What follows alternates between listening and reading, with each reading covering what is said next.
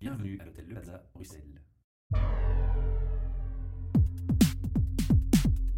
podcast. Een goedendag iedereen, welkom bij een nieuwe opname van HR Meetup, live vanuit het Plaza Hotel hier in Brussel, waar wij elke maand te gast zijn. En ook gesponsord door Talent Square. Nu, we hebben al een nieuwe gast bij ons, uh, maar ik ga hem zelf even laten voorstellen. Goedenavond uh, samen, uh, ik ben Joël Stokmans, directeur bij Unizo, de ondernemersorganisatie in Vlaanderen en in Brussel. En ik ben hier op uitnodiging van jullie. Nu natuurlijk, ja, Unizo, uh, iedereen kent het wel van in de media, van op het nieuws, van in de kranten. Um, zeker nu ook uh, met de stakingen. Uh, ja, we hebben het er net al even over gehad. Maar um, wat doet Unizo eigenlijk? Want, want, ja, een vereniging van zelfstandigen, mm -hmm. wat, wat doen jullie eigenlijk? In feite, onze werking kan je baseren op drie grote pijlers. Onze eerste belangrijke pijler is alles wat te maken heeft met lobbying. We zijn een lobbyingorganisatie.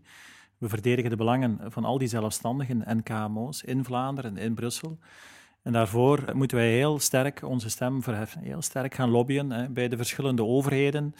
En het sprekend voorbeeld daarvan is Karel, hè, Karel van Eetveld, onze gedelegeerd bestuurder. Maar daar zit uiteraard een hele studiedienst achter, die continu de dossiers voorbereidt, in gesprekken gaat met kabinetten, om uiteindelijk hè, de stem van de ondernemer meer dan ooit te laten doordringen in allerhande wetteksten. Dat is eigenlijk een eerste belangrijke luik van onze werking. Een tweede belangrijk gegeven is uh, dat wij onze leden, ondernemers, informeren en adviseren. Er komen dagdagelijks nieuwe wetteksten uit. Onze ondernemers hebben daarover bijvoorbeeld heel wat vragen, ook naar opleidingen toe. Ook naar ja, hoe moet ik internationaal gaan, bij wijze van spreken. Dus tal van vragen komen binnen bij Unizo. En dan is het aan ons, aan mij, aan onze collega's, om die ondernemers ja, te informeren, te adviseren. En wij doen dat collectief via allerhande infosessies aan de ene kant, maar van de andere kant kan men ook bij ons terecht via de ondernemerslijn. Dat is ons gratis telefoonnummer, waar men zelfs 24 of 24, 7 op 7 terecht kan met al zijn of haar vragen. Dat is eigenlijk een tweede belangrijke pijler. En dan tenslotte een derde, en die wint ook wel aan belang hoor. Dat is dat we de ondernemers ook hoe langer hoe meer willen verenigen, samenbrengen. Een tal van netwerken. Want we voelen heel sterk aan dat de ondernemer nog altijd het meest leert, als ik het zo mag uitdrukken, van collega-ondernemer. Die ook dagdagelijks in de praktijk staan, die met gelijkaardige problemen worden geconfronteerd. En dat maakt het echt heel interessant en vaak ook heel leuk om die ondernemers ja, op die momenten ook samen te brengen, zodat ze ervaringen kunnen wisselen, kunnen uitwisselen met elkaar. Nu, dat zijn de drie grote pijlers. Ja, met, met de grote, grote pijlers zelf. Het is vooral voor, voor zelfstandig dan, denk ik, mm -hmm. uh, zeker interessant om, om met jullie eigenlijk in, in, in, contact te staan. Maar ik denk bijvoorbeeld aan die nieuwe zelfstandigen. Mensen mm -hmm. die nu vandaag de dag rondlopen en denken van... Ik heb een idee, ik wil eigenlijk zelfstandig gaan, maar ik durf eigenlijk niet. Mm -hmm. Vandaag de dag, want je krijgt zo...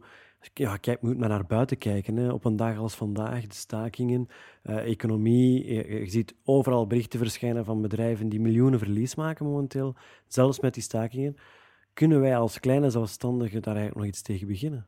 Ik ben er absoluut van overtuigd nu. Ik ben natuurlijk ook wel bevooroordeeld, laat dat duidelijk zijn. Maar het klopt wel wat je aangeeft. Als we onze startercijfers vergelijken met de rest van Europa, dan zijn we als Vlaming en als Belg zeker niet de nummer één als het gaat over het opstarten van een eigen zaak. Dus mensen aanmoedigen, mensen inspireren om een zaak op te starten, is ook voor Unizo een heel belangrijke rol. Nu laat dat heel duidelijk zijn, dat is zeker niet een rol die wij alleen moeten spelen. Ook de overheid speelt daar een uh, heel belangrijke uh, rol in, al was het maar om te zorgen voor een goed degelijk ondernemersklimaat. Ook andere partijen kunnen daar ook wel een rol in spelen, denk ik. We moeten gewoon met z'n allen ervoor gaan. En, en die jonge mensen, het zijn trouwens ook niet altijd jonge mensen die een nieuwe zaak opstarten, maar diegenen die een eigen zaak willen opstarten, die moeten we aanmoedigen uiteindelijk. Hè. Die moeten we omarmen aan de ene kant. En van de andere kant moeten we die mensen ook goed begeleiden, goed opleiden, dat ze uiteindelijk ook goed voorbereid aan die start beginnen. Want ik ben er zelf van overtuigd, als je een goed idee hebt, en je bent zelf overtuigd hè, dat je daarin kan slagen uiteindelijk. En als je dan laat omringen met een aantal goede mensen, waar we van bij Unizo zeker ook een goede rol kunnen inspelen, ja, dan is het slagingspercentage vele malen groter dan wanneer dat je alles op eigen houtje gaat doen. Dat je geen rekening gaat houden bij anderen, dat je geen advies gaat, uh, gaat inwinnen bij anderen.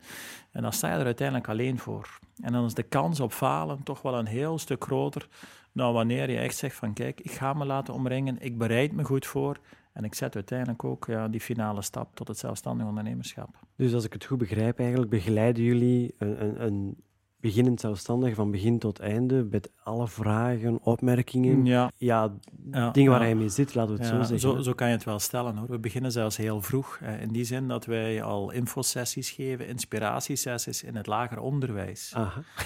Om heel jonge mensen, hè, en dan hebben we het over 10, 12-jarigen, om die op een heel speelse manier kennis te laten maken met ondernemerschap. Hè, via allerhande spelelementen, spelvormen. Ook eens door een bezoekje te brengen aan een of andere ondernemer bij hun in de buurt uiteindelijk. Om zo ja, die jonge, heel jonge kinderen, en het zijn uiteindelijk nog kinderen, te prikkelen en toch al eens, eens wat te laten kennismaken met het ondernemerschap. En dan gaat dat zo verder, ook in het hoger onderwijs. Dan wordt het al wat serieuzer, eh, uiteraard. Eh, komen we met die jongeren in contact. Zetten we zelfs fictieve ondernemingen op met die jonge mensen dan, eh, via ons traject van leerondernemingen noemen wij dat. Om op die manier in een schoolse context en toch echt al kennis te laten maken met het echte ondernemerschap. En dan heb je finaal diegenen hè, die echt willen starten, de pre-starters zoals wij het noemen. Die komen inderdaad met allerhande vragen bij ons. Dat gaat enerzijds over haalbaarheid. Ik heb een idee, maar is dat wel haalbaar? Wat kan Unizo daarin betekenen? En dan bieden wij haalbaarheidsstudies aan en dergelijke. Tot en met heel de administratieve ondersteuning. Hè, want het opstarten van een zaak vraagt toch ook wel wat administratieve ondersteuning en, en aanvraag BTW, registraties en dergelijke meer. Tot, en niet onbelangrijk ook, wanneer de bedrijven dan of de ondernemers net zijn gestart, ook dan houden we ze toch nog echt bij de hand. Want we merken dat zeker die eerste levensjaren cruciaal zijn. Hè. Men heeft pas de zaak opgestart, men is zeer ambitieus, men ziet het allemaal heel groot. En dan is het voor ons al belangrijk om die mensen in eerste instantie met hun voeten op de grond te brengen. En daarnaast, als ze dan vragen hebben, als ze met andere ondernemers in contact willen komen, want dat stimuleren we echt, ja, dan is het aan ons, aan Unizo, om hen daarin aan te moedigen en hen daarin te faciliteren. Nu, natuurlijk, ja, het, gaat, het is een hele brede waaier dat jullie eigenlijk Mhm. aanbieden. Uh, zoals je net ook al zei, ja, van, van een, in het lagere school naar een middelbaar, naar uh, mensen die, die de nieuwe zelfstandigen Mhm. of de oudere zelfstandigen die, die willen gaan starten. Ja, dan, dan heb je natuurlijk een, een, een gigantisch groot team die, die in verschillende takken, uh, laten we zeggen, specialist zijn om te gaan helpen. Zijn er eigenlijk dingen waarvan je zegt van dat is iets waar we nu veel meer tegenkomen dan bijvoorbeeld pakweg 10, 15 jaar geleden. Ja. Ik denk aan, ja, nu vandaag dag actualiteit, bijvoorbeeld de nieuwe regering, nieuwe wetgevingen. Hoe heeft dat allemaal zijn impact op zelfstandigen? Is dat iets wat bij jullie voornamelijk speelt? De rol van, Ja, van de overheid? Zeggen, of is het ja, eerder op... nee, naar die doelgroep, als ik eerlijk ben, uh, speelt dat minder. Men heeft een idee, men wil zijn zaak opstarten, men wil er volop voor gaan. En ja, men en een houdt... stukje overheid komt pas Ja, het is dat. En men houdt in eerste instantie, en dat is eigenlijk maar goed ook, vind ik persoonlijk, eh, eigenlijk weinig rekening met, met anderen en zeker met de overheid. Maar we werken wel een aantal evoluties. Heel de digitale revolutie uiteindelijk. Vandaag de dag starten mensen een zaak op en men bekijkt het bij wijze van spreken meteen ook vanuit een internationaal focus, een internationaal perspectief. Als je vandaag de dag een, webshop ontwikkelt, ja, dan zitten nu klanten niet alleen in Vlaanderen of rond uw kerktoren, maar dan zitten ze meteen wereldwijd uiteindelijk.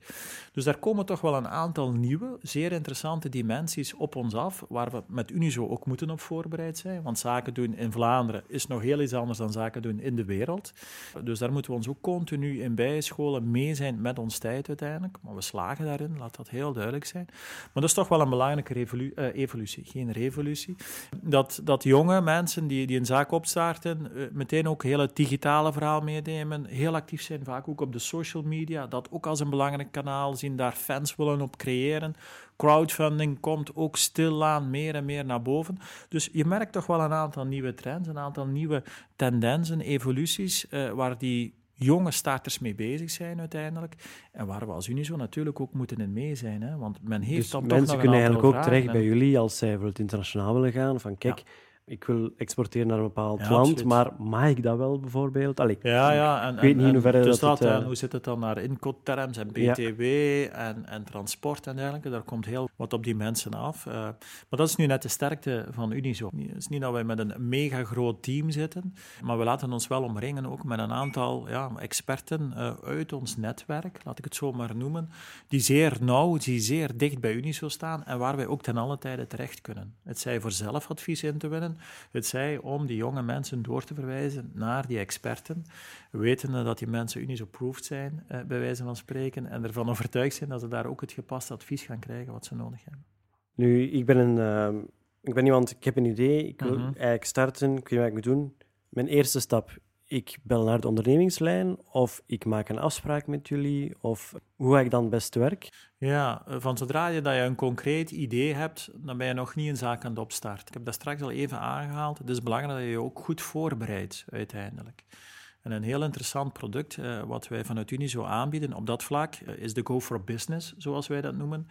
En dat zijn eh, uiteindelijk haalbaarheidsstudies die wij doen samen met de geïnteresseerde start. Om te kijken van, heeft dat idee wel potentialiteit? Is daar een markt voor? Je kan wel snel concluderen, ja, ja dat zal wel een markt voor zijn. en en eh, ik zie dat zo, zo, zo. Maar ik denk dat het altijd goed is om dat toch eens ook eens door een andere partij te laten bekijken. Ja, buiten omdat- vrienden en familie die zeggen van eh, ja, ja, maar dat gaat wel Dus lukken. dat, hè, eh, om dat eh, in, in voldoende grote mate te objectiveren uiteindelijk. En via dat haalbaarheidsonderzoek ja, kom je toch wel, ja, krijg je een beter inzicht in je markt, in je klanten uiteindelijk. En kan je dat ook meepakken in uiteindelijk de opmaak van je businessplan. Hè, want dat is dan stap twee. Je hebt een idee, er blijkt een markt voor te zijn. Oké, dan moeten we er nog een businessmodel rond bouwen, wat mij op termijn en liefst zo snel mogelijk ook de nodige centen gaat opleveren om opnieuw te kunnen investeren in mijn zaak. Dus na het haalbaarheidsonderzoek komt dan de opmaak van het businessplan uiteindelijk. Ook daar ondersteunen wij vanuit Unizo. En met dat businessplan moet je dan op zoek, in sommige of in vaak van de gevallen, hè, op zoek naar financiering. Hè. En dan moet je wel bij bankiers terecht, want dat bieden we bij Unizo niet aan, Unizo voor alle gedaan, ja. duidelijkheid. We doen heel veel, maar geld hebben we niet, uh, integendeel. Maar het is wel zo, van, uh, als uh, onze mensen een goed businessplan hebben, dan krijg je de banken ook wel mee. Vandaag de dag wordt er al eens gezegd van, ja, de banken zijn veel rigider als het gaat over het geven van leningen en financieringen. Mijn aanvoelen is zeker naar die jonge kandidaatstarters, als je een goed doordacht businessplan hebt, dat goed onderbouwd is uiteindelijk, met voldoende potentialiteit, dan krijg je de banken mee. En dan krijg je financieringen losgeweekt via de banken of via alternatieve financieringsvormen. Want vandaag de dag, hè, je hebt de bankinstelling, maar er zijn ook nog andere mogelijkheden om je zaak te laten financieren.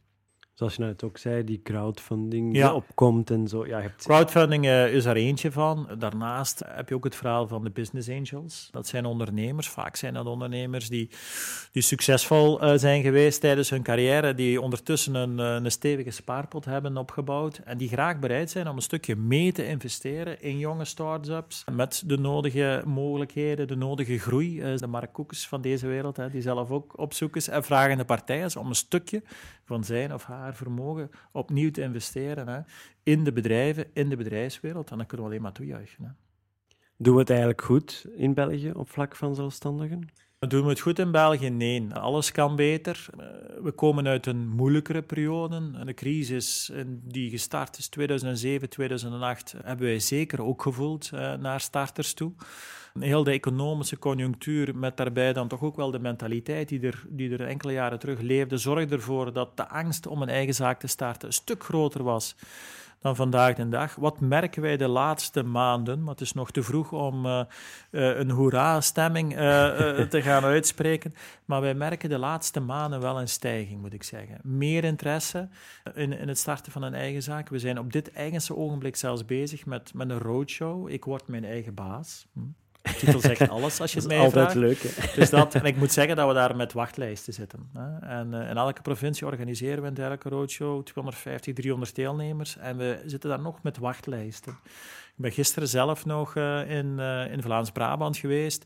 En ik merk dat het zeker niet alleen toeristen waren die daar rondliepen, maar echt mensen met, met concrete vragen. Uh, met concrete plannen om een zaak op te starten. Dus allee, ik ben wel positief gestemd hoor, naar de toekomst toe. Dus ik hoop dat we die tendens ook kunnen aanhouden. En, ja, we kijken daarvoor uiteraard ook naar de overheid. Die moet zorgen voor een goed ondernemersklimaat, maximale steun aan die jonge start-ups. Om op die manier ja, onze economie terug te doen bloeien en groeien. Ik zou eigenlijk alle mensen die momenteel twijfelen van oh, mm -hmm. is mijn idee wel haalbaar, zeker uitnodigen om naar jullie website te gaan. Ja. Ik heb er ook gezien dat men zich lid kan maken ja. bij jullie. Ehm, Ja, onze website starterservice.be is een zeer interessante eh, website. Ik mag hopelijk even reclame maken. Tuurlijk, tuurlijk. Als, als eh, jonge eh, kandidaat, ondernemer, vind je daar alle relevante informatie in terug. In één ha- handomdraai, snel en, en to the point. Dus ik denk dat dat zeer interessant is om daar alles eh, naartoe te gaan. En dan in tweede instantie schrijf je ook in eh, op onze nieuwsbrief eh, van de website, want dan ga je ook meteen uitgenodigd worden voor allerhande inspiratiesessies, opleidingen die we organiseren, één-op-één gesprekken die we aanbieden. Die roadshows ook? Of, ehm, Ja, ja, ook die roadshows hoor. Eh, het is dat, dat, eh, eh, maar eh, we zitten op dit eigenste ogenblik nog in, eh, in Gent, in Oost-Vlaanderen. En dan is de reeks voor dit najaar achter de rug. Maar we gaan het sowieso in het voorjaar opnieuw herhalen. gezien de enorme interesse die er is eh, in dit verhaal. Maar als mensen eerder, sneller informatie willen, eh, zou ik zeggen één adres, eh, starterservice.be. Voilà, dus allen daarheen zou ik zeggen. Ja, absoluut. Nu, bedankt voor uw tijd vrij te maken om in de file te gaan staan. Dat is iets minder natuurlijk, maar ja, daar kunnen we vandaag dag niet om. Nee. Ehm, Helaas. maar toch bedankt om, om, om hier aanwezig te zijn en, en ook even uw passie te delen. En zoals ik al zei, ik nodig iedereen gewoon uit. Alles, alle mensen die denken zelfstandig te worden, maar die nog twijfels hebben of die willen kijken van, ja, is mijn idee wel haalbaar? Heb ik daar wel een markt voor? Want dat Mhm. is wel belangrijk om te weten op voorhand. Eh nodig je uit om gewoon naar de website te gaan, kijkje te gaan nemen. En als er vragen zijn, zij zijn er voor u. Absoluut. Ik zou het niet beter kunnen zeggen. Kijk eens aan. Mm. Bedankt voor uw Dankjewel. tijd Ja. en tot de volgende keer. Dank je voor de uitnodiging. Podcast.